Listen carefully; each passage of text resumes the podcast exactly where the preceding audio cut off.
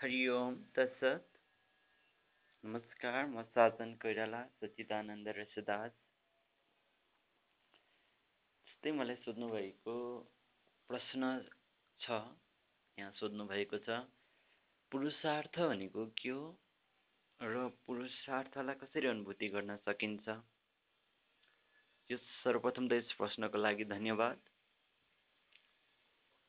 वैदिक सनातन फाउन्डेसनको जनचेतना र प्रवचनको यस कार्यक्रममा तपाईँहरूका विभिन्न प्रतिक्रियाहरू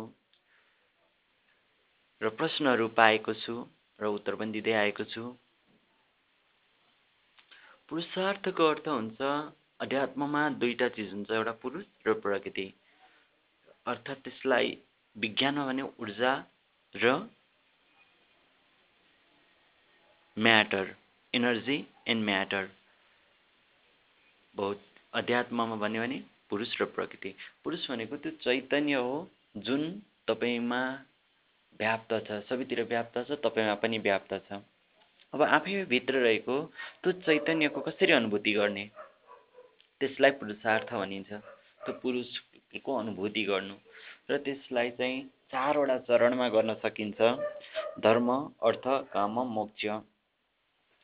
धर्मको अर्थ हुन्छ तपाईँ आफूभित्र रहेको त्यस पुरुषार्थलाई विभिन्न गुणहरू धारण गरेर तपाईँ अनुभूति गर्नुहुन्छ त्यो गुणको माध्यमद्वारा। जस्तै अहिले तपाईँको गुण छ नि त्यो गुणलाई तपाईँ आफू भन्नुहुन्छ त्यो पुरुषार्थको अनुभूति गर्न सक्नुहुन्छ। होइन? धर्मभित्र गुण र तपाईँका शिक्षाहरू पर्छन्। अर्थ तपाईँले अर्थ आर्जन गरेर फाइनेन्सियल फ्रिडम पाएर र फाइनेन्सियल रूपमा त्यो स्वतन्त्रताबाट अनुभूति गर्न सकिन्छ। दोस्रो हो काम। तपाईँले विभिन्न किसिमका काम गर्न सक्नुहुन्छ होइन? सामाजिक काम राजनैतिक व्यापार दार्शनिक तथा वैज्ञानिक काम। यी कामबाट पनि आफ्नो त्यो चैतन्यको अनुभूति गर्न सकिन्छ। र अर्को हो मोक्ष। मोक्ष भनेको त्यो आध्यात्मिक कै बोधमा सधैँ रहिरहनु ज्ञानद्वारा होइन दर्शनद्वारा योगद्वारा। यसरी चाहिँ हामी त्यस पुरुषार्थको हामी अनुभूति गर्न सक्छौँ। र यही पुरुषार्थलाई चाहिँ हाम्रो वास्तविक सम्पत्ति भनिन्छ। यो real wealth is your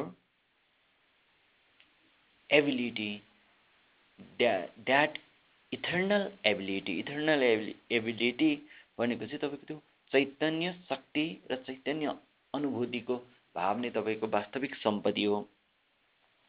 र हामीलाई त्यही आवश्यकता छ। होइन? जस्तै सम्पत्तिको बारेमा हाम्रो अब्राम मास्लोको आवश्यकताको जुन एउटा उहाँले चार्ट बनाउनु भएको छ त्यसमा उहाँले कसरी चाहिँ हामीले आफ्नो आवश्यकताको अनुभूति गर्न सक्छौँ? आवश्यकता र आवश्यकताको अनुभूति दुईवटा फरक चिज हो। आवश्यकता त तपाईँको नि चाहना र आवश्यकतामा फरक हुन्छ। चाहना भनेको तपाईँको डिजायर। तपाईँको डिजायर त तपाईँको विचारमा भर पर्छ र विचार त अनगिन्ती छ होइन? मान्छेले एक दिनमा सात हजार विचारहरू आउँछ उसको मस्तिष्कमा। प्रत्येक दिन यस्तै विचारहरू आउँछ। अनि प्रत्येक विचारहरू डिजायर भन्न सक्छ भने सात हजार डिजायर डिजायर त्यो हरेक डिजायर हाम्रो निड आवश्यकता बन्दैन। चाहना भन्नु होला तर आवश्यकता होइन। तर उनले एउटा आवश्यकताको नियम बनाएका छन् अब्राम अब्राम मास्लोले। जसमा पहिलो हुन्छ फिजियोलोजिकल तपाईँको शरीरलाई यस अर्थमा एक्जिस्ट गराउनको लागि आवश्यक पर्ने फिजियोलोजिकल ब्रेथ फुड वाटर सिल्प होइन जसलाई गाछबास कपास सहबास भनिन्छ। र दोस्रोमा उहाँले लिएर छन् सेफ्टी सुरक्षा।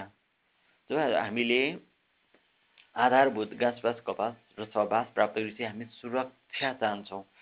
सुरक्षा यो शरीरको सुरक्षा इम्प्लोइमेन्ट एउटा जागिरबाट आर्थिक सुरक्षा रिसोर्सेस सम्पत्तिको सुरक्षा मोरालिटी होइन?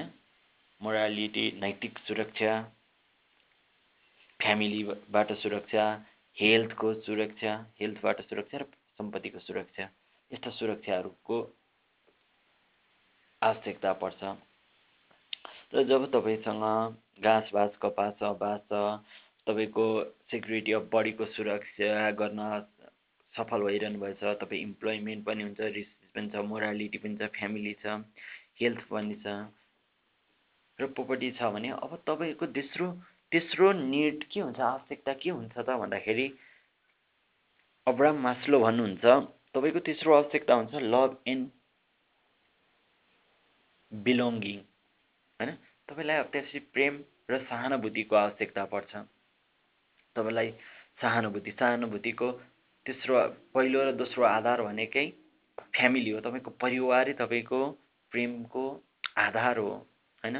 सहानुभूतिको आधार हो तपाईँले पाउने सहानुभूति विश्वास सरसल्लाह आँट उत्साह फ्यामिली हो त्यस पछाडि फ्रेन्ड फ्रेन्ड हो फ्रेन्डसिप हो त्यस पछाडि रिलेटिभहरू त्यही भएर तपाईँले जब तपाईँको दुईवटा आवश्यकताहरू फिजियोलोजिकल घाँसपास घाँस कपास सहवास र सेफ्टी सुरक्षा security body employment diseases morality family health र प्रोपर्टी यस्ता आवश्यकताहरू पुरा अब गरिसकेपछि तपाईँलाई अब त्यसलाई सहानुभूतिको आवश्यकता पर्छ। त्यसको लागि तपाईँले फ्यामिली र फ्रेन्डसिप बलियो बनाउनुपर्छ। होइन मैले पहिले पनि भनेको छु फ्रेन्ड फ्यामिली र फ्रेन्डसिपको लागि तपाईँले कम्युनिकेसनमा धेरै खर्च गर्नुपर्छ। कम्युनिकेसन जति गऱ्यो त्यति इन्फर्मेसन आउँछ। इन्फर्मेसनबाट डिसिजन मेकिङ गर्ने क्यापासिटी तपाईँको बढ्छ। र ज राइट टाइममा राइट इन्भाइरोमेन्टमा राइट डिसिजन जसले लिन सक्छ उसले नै त्यस पुरुषको पुरुषार्थको अनुभूति गर्न सक्छ।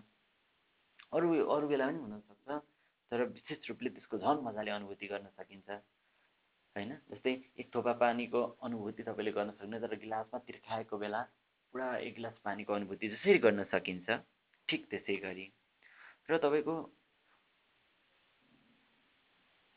चौथो मास्लोको आवश्यकताको चौथोमा हुन्छ स्टिम अथवा स्टिम सेल्फ स्टिम सा भनेको सेल्फ स्टिम भनेको आत्मगौरव होइन? आत्मगौरव अनि एचिभमेन्ट उपलब्धि रेस्पेक्ट अरूले चाहिँ आफूलाई रेस्पेक्ट गरोस् जसलाई ख्याति र यस भनिन्छ होइन? हामीले भन्दाखेरि त्यस यो तपाईँलाई आवश्यकता पर्छ सेल्फ स्टिम तपाईँहरूले उपाधि पद रेस्पेक्ट वा अरूले तपाईँलाई गर्ने रेस्पेक्ट यो सबै चिज पाइसकेपछि तपाईँले physiological safety love and belonging esteem सबै पाइसकेपछि अर्थात् तपाईँको आधारभूत आवश्यकता घाँसपास कपास सहवास सुरक्षा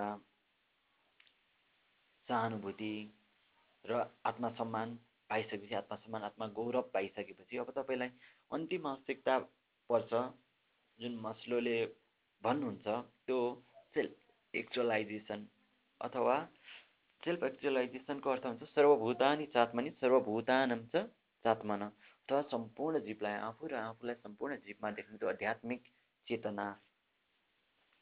यो मान्छेको आवश्यकता हुन्। यो सबै आवश्यकता हो। र यही आवश्यकता नै पुरुषार्थ हो। यसलाई नै चाहिँ हाम्रो वैदिकमा चाहिँ धर्म अर्थ काम मोक्ष भनिन्थ्यो। धर्ममा तपाईँको स्वभाव तपाईँको गुण तपाईँको पद शिक्षा जसले चाहिँ तपाईँलाई के दिन सकोस्? स्टिम स्टिम सेल्फ स्टिम दिन सकोस् एचिभमेन्ट दिन सकोस् रेस्पेक्ट दिन सकोस् र के रूपमा सेफ्टी र इम्प्लोइमेन्ट जस्तै safety safety of resources safety of health property यस्तो दिन सकोस्।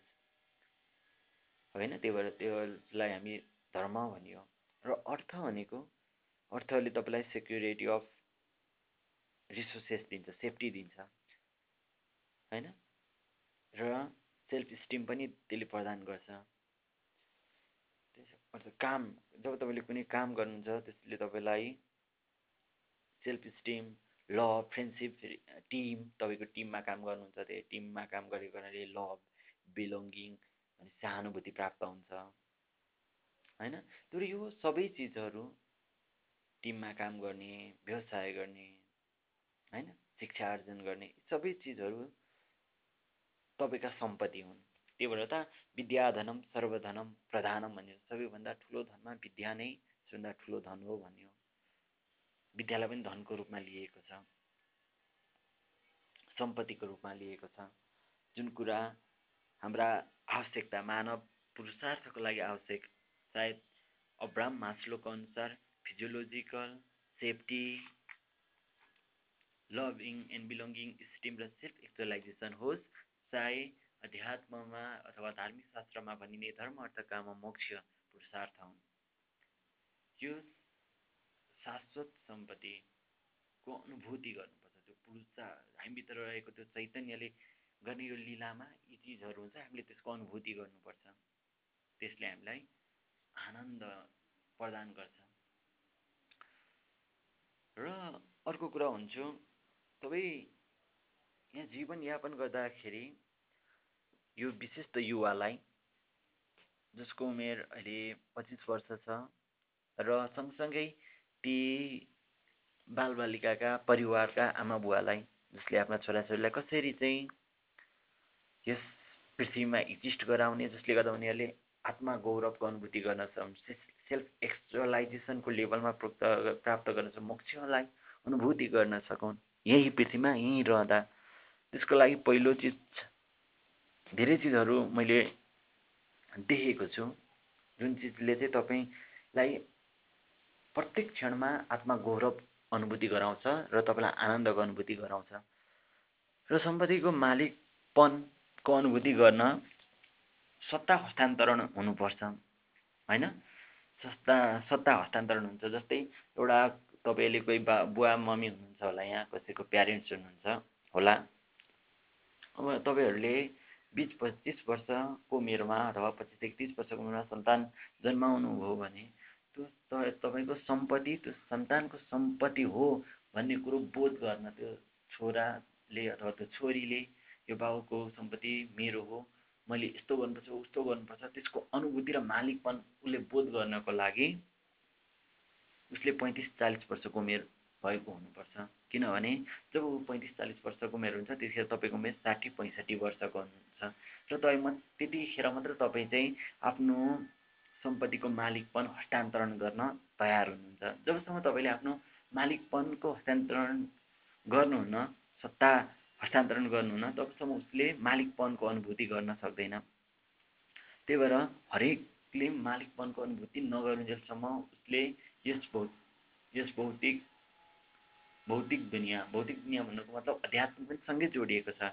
छुट्याउन नसकिने हो। भौतिक र अध्यात्म कहिले छुट्टिन सक्दैन। जसरी ऊर्जा र वस्तु जसरी छुट्याउन सक्दैन जसरी फिल्डमा विज्ञानमा भनिन्छ जस्तै फिल्डमा इनर्जीको रिपल नै म्याटर भन्छ म्याटर नै इनर्जी हो।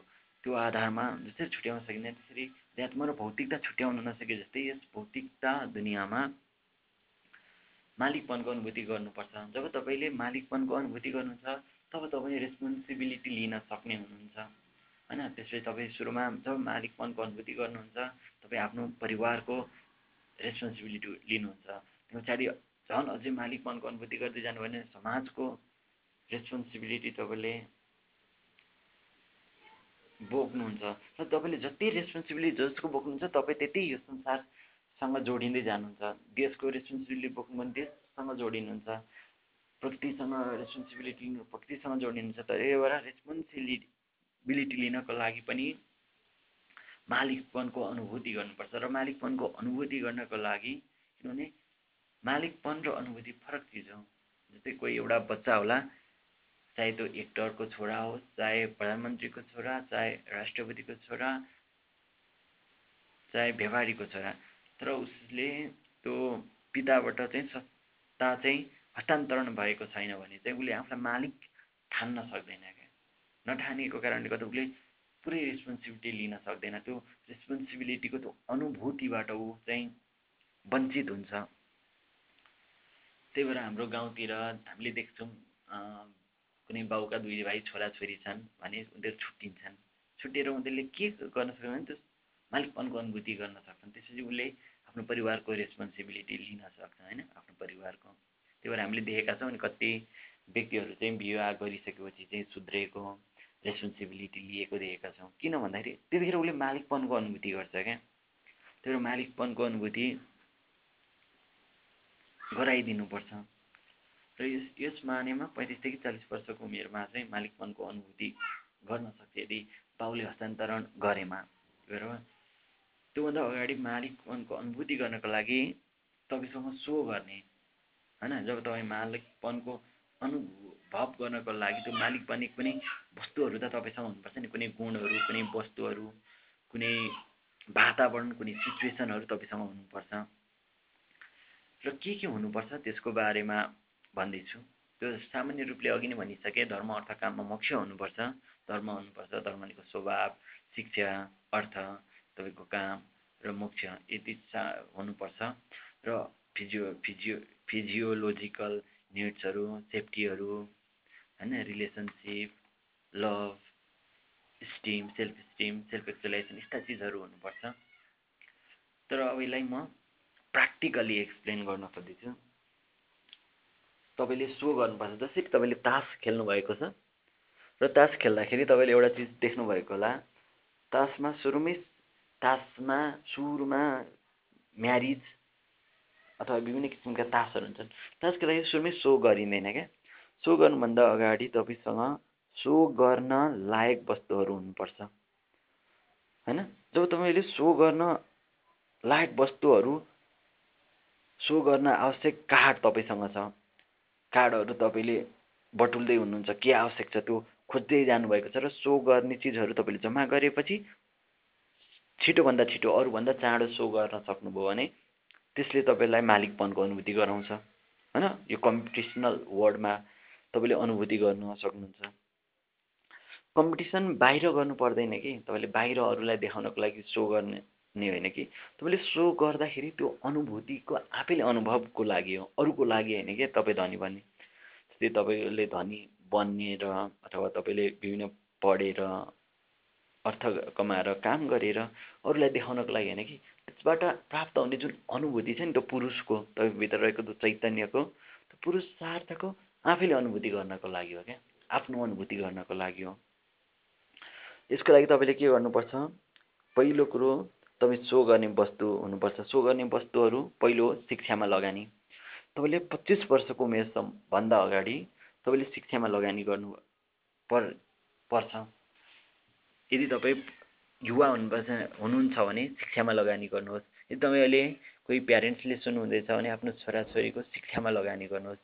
जसले आफ्नो परिवार छोराछोरीको अथवा आफ्नो शिक्षामा लगानी गर्छ त्यो जस्तो ठुलो धन केही होइन। अहिले पनि तपाईँले देख्नुभएको होला गाउँमा पनि कतिको एक डेढ बिघा जग्गा पनि छ तर उसको उसलाई त्यो मान्छेले बुझ्दैनन् पनि उसलाई उसले त्यो अनुभूति नै गर्दैन क्या उसको त्यो प्रेजेन्ट जुन उसको एक्जिस्टेन्स छ नि उसको गाउँमा उसको त्यो जुन गाउँमा उसको जुन स्वामित्व छ त्यो स्वामित्वलाई देखेर उसलाई त्यो गाउँलेहरूले सम्मान गर्दैनन्।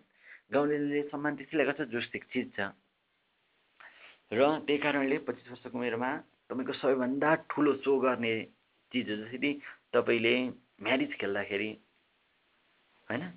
सबैभन्दा बढी पोइन्ट जे हुन्छ नि त्यस्तै तपाईँको सम्पत्तिमा यो मान्छे चाहिँ सम्पत्तिवाल हो भन्ने कुरोको प्रमाण तपाईँको धनले भन्दा शिक्षाले देखाउँछ क्या। त्यही भएर तपाईँले शिक्षामा लगानी गर्नुहोस्। यदि धनको भ्यालु फाइभ हो भने शिक्षाको डबल हुन्छ द होइन? त्रिबल हुन्छ पाँच पन्ध्र हुन्छ त्यसको भ्यालु। त्यो भएर तपाईँले शिक्षामा लगानी गर्नुहोस्। शिक्षामा यस्तो शिक्षामा लगानी गर्नुहोस् आज त शिक्षा पनि सबैले प्राप्त गर्छन् होइन? त्यही भएर तपाईँले शिक्षा पनि यस्तो खालको शिक्षा दिनुहोस् कि जुन शिक्षाले उसको पद पनि बढोस् दाम पनि बढोस् र एउटा सङ्गत पनि बढोस् र पारिवारिक इज्जत बढाउने खालको शिक्षा उसलाई प्रदान गर्नुहोस्। जसमा डाक्टर इन्जिनियर सिए पाइलट र उसमा कुनै प्रतिभा छ भने उसको त्यो प्रतिभालाई उजागित उजागर गरिदिनुहोस् इन्भाइरोमेन्ट बनाइदिनुहोस्। यदि तपाईँले आफ्नो बालबच्चा छन् भने उसको प्रतिभा छ भने त्यो प्रतिभामा तपाईँले जुन किसिमको इन्भाइरोमेन्ट बनाएर लगानी गर्नुहुन्छ त्यो जस्तो सम्पत्ति केही हुँदैन। सबैभन्दा ठुलो सम्पत्ति शिक्षामा हो। शिक्षाभन्दा ठुलो सम्पत्ति प्रतिभा हो। तर त्यो प्रतिभाले उचित वातावरण भने पाउनुपर्छ। तपाईँसँग प्रतिभा छ तर वातावरण पाएन भने त्यसले शिक्षाको जस्तो काम गर्न सक्दैन। त्यही भएर शिक्षा र प्रतिभालाई सँगै लिएर जानुहोस्। होइन?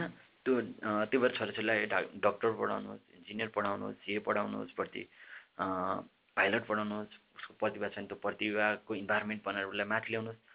त्यो चिज यस्तो हुन्छ कि त्यही कारणले तपाईँको इज्जत बढ्छ तपाईँको परिवारको पनि इज्जत बढ्छ समाजको पनि इज्जत बढ्छ राष्ट्रियको पनि इज्जत बढ्छ र उसले आफ्नो पुरुषार्थको पहिलो ध धर्म भनेको छ नि आफ्नो गुण र त्यो प्रतिष्ठाको अनुभूति गर्न थाल्छ त्यो पुरुषले। दोस्रो दोस्रो भनेको पुँजी।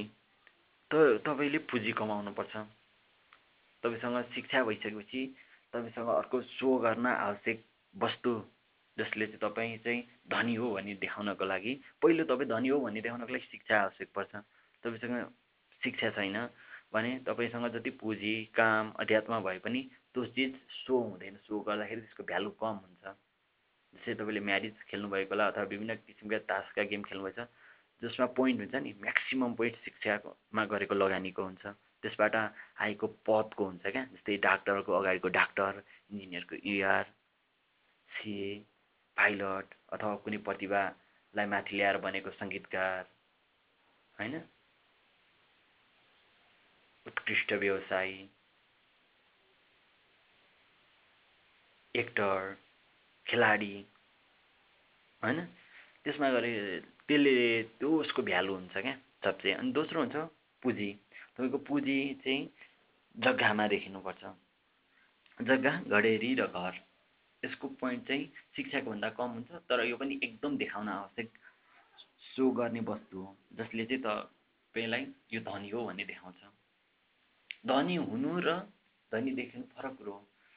धनी हुनु सँगसँगै जसले धनी देखाउन सक्छ त्यसले आत्मसम्मानका साथ त्यो पुरुषार्थको बोध गर्न सक्छ। त्यही भएर पुरुषार्थमा धर्म अर्थ काम मोक्ष आउँछन्।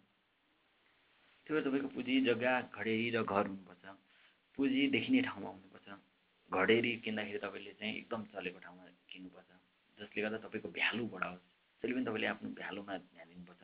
जस्तै तपाईँले घडेरी काठमाडौँ इटरी विराटनगर धरान बुटबल पोखरा यस्तो विशेष ठाउँमा घडेरी किन्नुभयो भने त्यसले तपाईँको घडेरीमा तपाईँले पुँजी त्यो हाल्नुभयो स्वामित्व स्वामित्व र सम्पत्ति सँगसँगै त्यसले तपाईँको इज्जत पनि स्वार्थ बढाउँछ। सम्पत्ति त बढो बढो सम्पत्तिसँग इज्जत बढ्छ। त्यही भएर तपाईँले त्यस्तो ठाउँमा पुँजी देखाउनुपर्छ जसमा सम्पत्ति त्यो बराबरको सम्पत्ति त छँदैछ। साथसाथै त्यसले तपाईँको इज्जत पनि बढाइन्छ। होइन?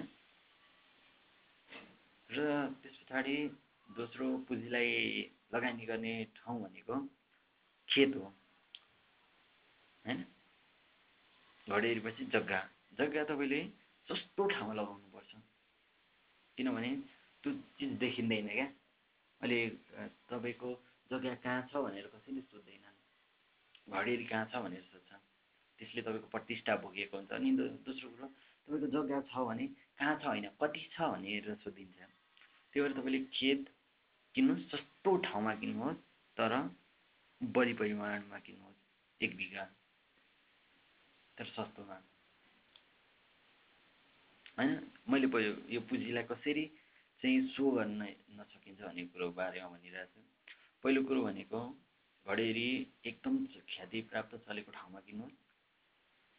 र जग्गा तथा खेत चाहिँ एकदम नचलेको ठाउँमा जहाँ चाहिँ तपाईँले सामान्य खेतीहरू हुने उब्जनी गर्न सक्ने ठाउँ हुनु पऱ्यो र सस्तो ठाउँमा लगानी गर्नुहोस् तर बिगामा त्यो बिगामा तपाईँले जुन लगानी गर्नुहुन्छ त्यसले चाहिँ कुनै पनि ठाउँमा सानो घडेरी मात्र आउन सक्थ्यो होइन? तर उहिले पनि तपाईँसँग घडेरी छ भने चाहिँ त्यहाँ तर एक बिघा तपाईँले किन्नु भने अब त्यो त्यसले तपाईँको भ्यालु क्रिएट गर्छ क्या।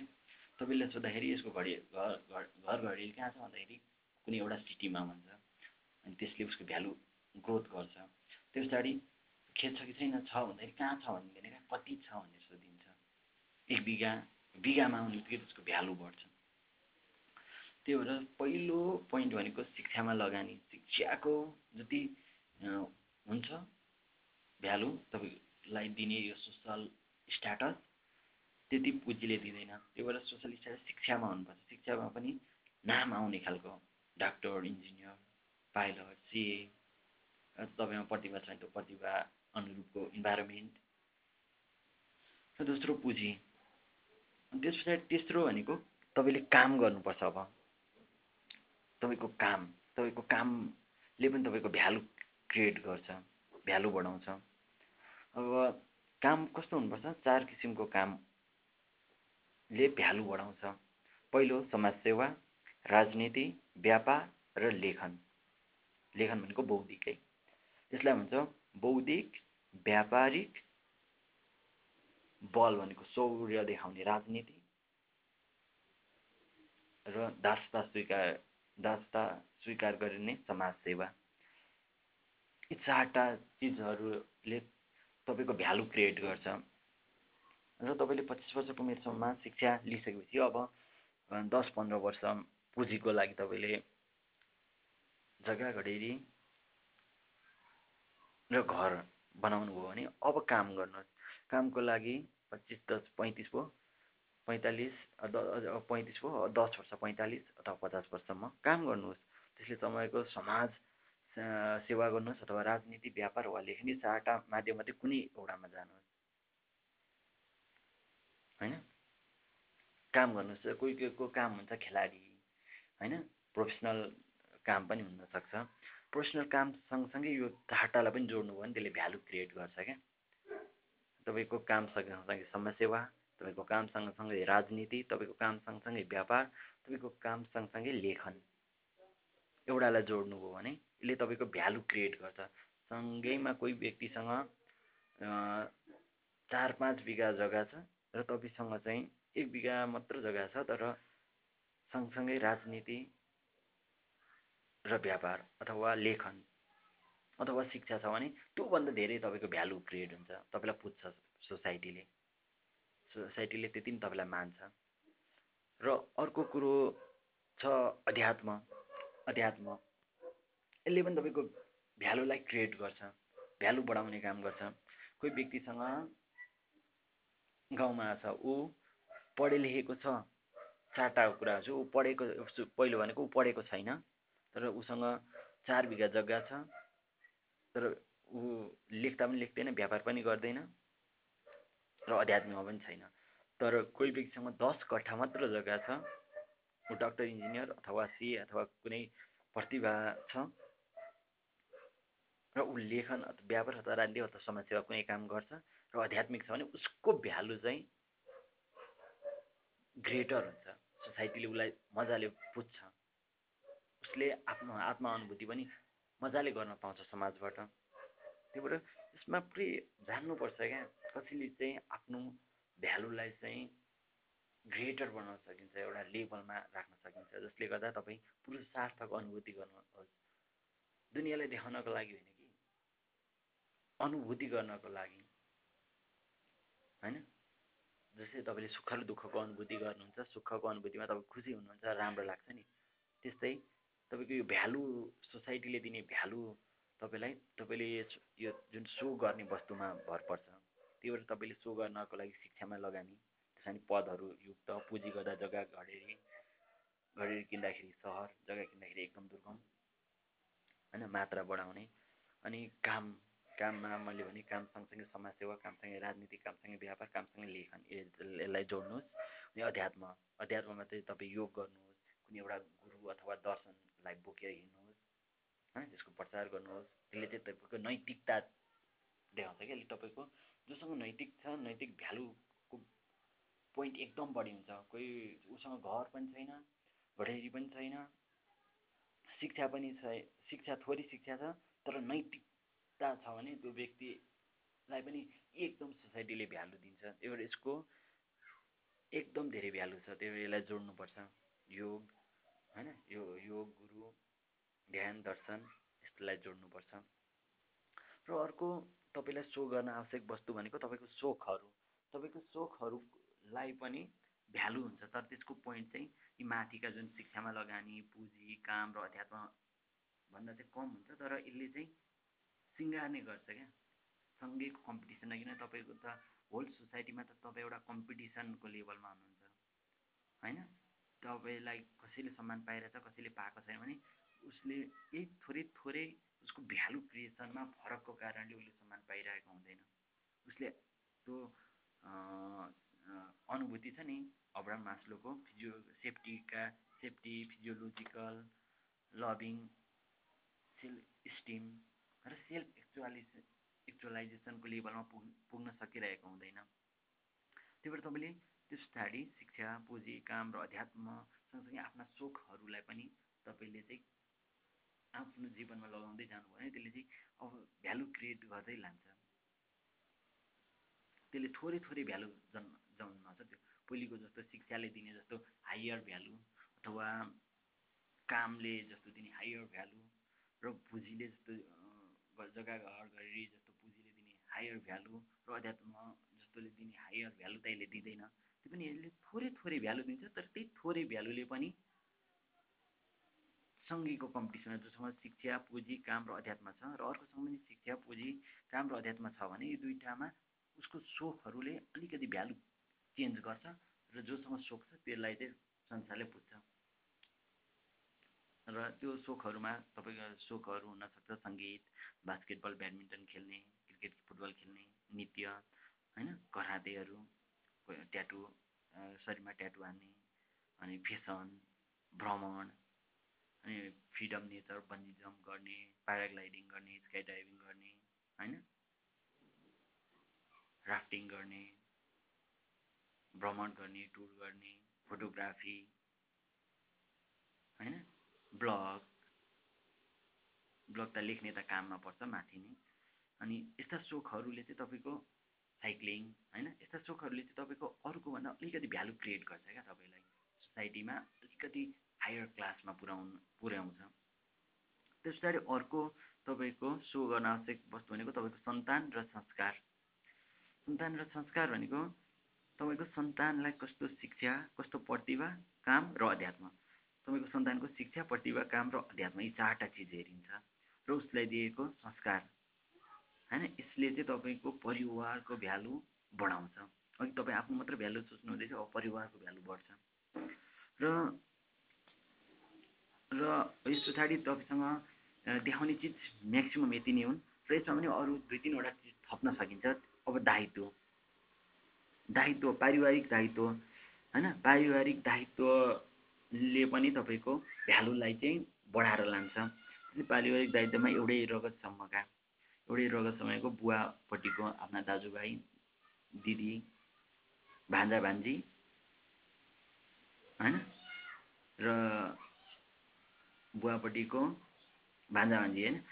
आफ्नोपट्टि दाजु भाउजू दिदीबहिनी भान्जा भान्जी भति भाइ भतिज। यिनीहरूको स्ट्याटस यिनीहरूको शिक्षा यिनीहरूको लगानी यिनीहरूको यिनीहरूको क्वालिफिकेसन यिनीहरूको कामले पनि तपाईँको अलिअलि थोरै थोरै तपाईँको भ्यालु बढाइरहेको हुन्छ त्यही यस्तो चिजमा पनि त्यो मेन चिज तपाईँले शिक्षा पुँजी काम अध्यात्म सोखहरूमा फोकस गर्नुहोस्। त्यस पछाडि सन्तान मा फोकस गर्नुहोस्। र यस पछाडि पारिवारिक दायित्व पारिवारिक दायित्वबाट पनि तपाईँको थोरै थोरै भ्यालु क्रिएट हुन्छ। यही थोरै थोरैले पनि तपाईँलाई धेरै माथि पुऱ्याउँछ। जुन तुलनात्मक रूपमा अहिले हामीले जति नाम सुनेका छौँ करोडौँ अरबौँमा दस पन्ध्रवटा नाम हामीलाई आउँछ। त्यसको पछाडि यिनै चिजहरू छन्। होइन? किनभने करोडौँमा दस पन्ध्रजना मात्रै धनी होइन नि त। अहिले मिलिनियर हेर्नु त कति छन् कति।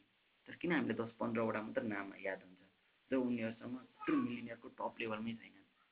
किनभने उनीहरूसँग यो भ्यालु सोसाइटीलाई देखाउने यो भ्यालु छ क्या। जोसँग यो भ्यालु हुन्छ सो गर्ने त्यही नै पूजित हुन्छ यो संसारमा। त्यसले नै पुरुषार्थको अनुभूति गर्न सक्छ। त्यही भएर तपाईँले सक्नुहुन्छ भने तपाईँको दायित्व पारिवारिक दायित्वले पनि तपाईँको अलिअलि भ्यालुलाई बढाइदिइरहन्छ। जसमा चाहिँ तपाईँको बुवा आमापट्टिको रगतहरू भनेको दाजुभाइ दिदीबहिनी भान्जा भान्जी भाइ भतिजबाट उनीहरूको स्ट्याटस उनीहरूको शिक्षा होइन? उनीहरूको प्रतिभा त्यसले तपाईँको भ्यालुलाई क्रिएट गर्दै अलिअलि बढाउँदै लान्छ। र दोस्रो यो पहिलो तह भयो। हो दोस्रो तह भनेको मामा मामा मामा र मामाका छोराछोरी होइन? भाइहरू। अनि त्यहाँ पछाडि यता फुपू र फुपूका छोराहरू। यो दोस्रो तहको पारिवारिक दायित्व यसले पनि थोरै त्यो जुन पहिलो तहको जुन भान्जा भान्जी दिदी र भान्जा भान्जी र भाइ भतिजबाट आउने भ्यालुभन्दा अलिकति कम तर यो फुपू फुपाजु र मामाका छोराहरूबाट पनि आउने जुन भ्यालुले पनि तपाईँको भ्यालुलाई बढाउँछ। त्यो भएर तपाईँ रिलेसनसिपमा पनि एकदम ध्यान दिनुहोस्। रिलेसनसिपले पनि तपाईँको भ्यालुलाई बढाउँछ। होइन? सुरुमा शिक्षा पुँजी काम र आध्यात्मिक चारवटा त अति इम्पोर्टेन्ट छ। सन्तान र सोख दुईवटा प्राइमरीमा शिक्षा काम पुँजी र अध्यात्म हो भने सेकेन्डरीमा सोख र सन्तान हो। त्यसपछि टर्सियरी लेभलमा तपाईँलाई पारिवारिक दायित्व रिलेसनसिप फ्रेन्डसिप होइन? जसमा चाहिँ रिलेसनसिप फ्रेन्डसिप त्यसले तपाईँलाई एउटा सङ्गत त्यो सङ्गतले पनि तपाईँको भ्यालु क्रिएसन गरिरहन्छ होइन? त्यो यसलाई पनि फोकस गर्नुहोस्। त्यो जोसँग चाहिँ यस्तो चिजहरू हुन्छ ऊ चाहिँ एकदम माथिल्लो लेभलमा पुग्छ। र तपाईँले सम्पत्तिको मालिकपनको अनुभूति पैँतालिस पचाससम्ममा यति चिज गर्नु हो भने you are successful people of this earth अर्थको सबैभन्दा भाग्यमानी पुरुष तपाईँ हो। सबैभन्दा आनन्दित सबैभन्दा खुसी र यहाँ जुन लिला गर्ने योग्य पुरुष हो। किनभने लिलामा धर्म अर्थ काम मोक्षै हुन्छ। किन तपाईँ त एउटा चैतन्य हो। चैतन्यलाई यी यी सबै चित्त मरेर लाने चिज होइनन् मात्र यो बाँचुन्जेलसम्ममा यसलाई लिलामा त्यो तास खेल्दा पनि तपाईँ जिन्दगीभर तास त खेल्नु हुँदैन नि त। तर तास खेल्दा त्यो तासमा कसरी जित्ने र कसरी सो गर्न सक्ने त्यो खुबी भन्ने सिक्नुपर्छ। यो यहाँ जन्मिएपछि तपाईँ चैतन्यको जन्म पनि हुँदैन मृत्यु पनि हुँदैन। तर त्यो चैतन्य एक्जिस्ट भएपछि कसरी सम्पूर्ण तपाईँ नै हुनुहुन्छ होइन यो भौतिक संसारमा व्याप्त? आफैसँग खेल्नुहुन्छ। तर आफैसँग खेल्दा कसरी सो गर्ने त्यो चिज चाहिँ तपाईँलाई थाहा हुनुपर्छ। फेरि एकचोटि रिपिट गर्छु। अब्रम अब्रम अब्राम मास्लोको निडहरूलाई ध्यानमा राख्दै धर्म अर्थ काम मोक्ष र त्यस पछाडि सम्पत्तिको मालिकपनको अनुभूति गर्नुपर्छ र शिक्षामा लगानी गर्नुपर्छ। डाक्टर इन्जिनियर यस्तो पदहरू आउने जसबाट पद दाम र सङ्गत बढाओस् त्यस्तो किसिमको र पुँजीलाई क्रिएट गर्नुपर्छ काम समाजसेवा राजनीति व्यापार लेखन यसमा ध्यान दिनुपर्छ। अध्यात्म योग गुरु दर्शनमा ध्यान दिनुपर्छ। सोखहरू सङ्गीत बास्केटबल ब्याडमिन्टन नृत्य कराते ट्याटु भ्रमण फ्रिडम नेचर यस्ता चिजहरूलाई ध्यान गर्ने सन्तानको शिक्षा प्रतिभा काम अध्यात्ममा फोकस गर्ने पारिवारिक दायित्व रेस्पोन्सिबिलिटी पहिलो तह र दोस्रो तहको लाई हेर्दै जाने हो भने यु आर सक्सेसफुल पिपुल तपाईँ मुक्त पिपुल हो। किनभने यहाँ तपाईँ मुक्त हो मुक्त हुनु त पर्दैन। तपाईँ स्वाभाविक चैतन्य हो। चैतन्यलाई कुनै पनि मुक्तिको आवश्यकता पर्दैन। तपाईँ स्वत रूपमा सम्पूर्णसँग जोडिनु भएको छ। सम्पूर्ण रूपमा तपाईँ ब्रह्माण्डकै मालिक हो। तर यसको अनुभूति त गर्नु पऱ्यो नि। आजसम्म तपाईँ अनुभूति नै गर्न सक्नुभएको थिएन। त्यो यो सामान्य जुन मैले भनेको चिज चाहिँ त्यो मालिकपनको अनुभूति गराउने चिज हो। यो तपाईँले पैँतालिस वर्षसम्म अथवा पचास वर्षमा यसको अनुभूति गर्नुभयो भने तपाईँ ब्रह्माण्डको पनि अनुभूति गर्न सक्नुहुन्छ। यो ब्रह्माण्डको मालिकपनको मै हुँ भन्ने तपाईँले अनुभव गर्नु छ। राम कृष्ण होइन? बुद्ध ताओ खुदा चैतन्य एउटै हो भने तपाईँले नि बुझ्न थाल्नुहुन्छ। तपाईँभित्र रहेको अहम ब्रह्मास्मि भन्ने चिजलाई तपाईँ बुझ्न सक्नुहुन्छ। त्यहाँ पछाडि मात्र तपाईँ अहम सर्वभूतानि चात्मनि सर्वभूतानम चात्मन भन्ने जान्नुहुन्छ। सबै जगतका सम्पूर्ण चैतन्य म हुँ र म नै ब्रह्माण्डको चैतन्य हुँ भन्ने चिज सिक्नुहुन्छ। त्यसको लागि तपाईँले रेस्पोन्सिबिलिटी लाई बोक्नुपर्ने हुन्छ। त्यो रेस्पोन्सिबिलिटी चाहिँ तपाईँले मालिकपनको अनुभूति नगरिकन प्राप्त गर्न सक्नुहुन्न। र यो आज जुन मलाई प्रश्न आएको थियो त तपाईँहरूलाई कस्तो लाग्दैछ? होइन तपाईँहरू खुसी रहनुहोस्। यो कुनै पनि डरमा र लोभमा नबाँच्नुहोस् तर भ्याल्यु क्रिएट एक्टिभमा जाँच्नुहोस् एक्टिभनेसमा बाँच्नुहोस् योजनामा बाँच्नुहोस् तर आसक्तिमा होइन। किनभने अघि मैले माथिको जुन जुन भ्यालु तपाईँसँग हुनुपर्छ त्यो भनेको योजना हो। आसक्ति होइन त्यसको लागि काम गर्नुपर्छ। काम बिनाको लागि आसक्ति हुन्छ। जब तपाईँले काम गरेर त्यो कामको विषयमा होइन यो विषयबाट तपाईँमा हुने त्यो अन्तर्बोधमा जब तपाईँ त्यो अनुभूति त्यसलाई भन्छ लक्ष्मी। होइन? लक्ष्मी भनेको अन्तर्बोध हो। त्यो प्रस पर्सपेक्टिभ त्यो प्रोस्पेरिटीमा तपाईँ ध्यान दिनुहुन्छ। त्यो सम्पन्नतामा को अनुभूति गर्नुहुन्छ। जहाँ श्री हुन्छ त्यहाँ राम हुन्छ। होइन? जब तपाईँले त्यो आफ्नो धनीपनको तपाईँको जीवन एउटा धन्य हो भने बोध गर्नुहुन्छ। तब तपाईँ रामको अनुभूति गर्न थाल्नुहुन्छ कृष्णको अनुभूति गर्न थाल्नुहुन्छ ताओ खुदा सबको अनुभूति गर्न थाल्नुहुन्छ। हरि ओम तत्सत।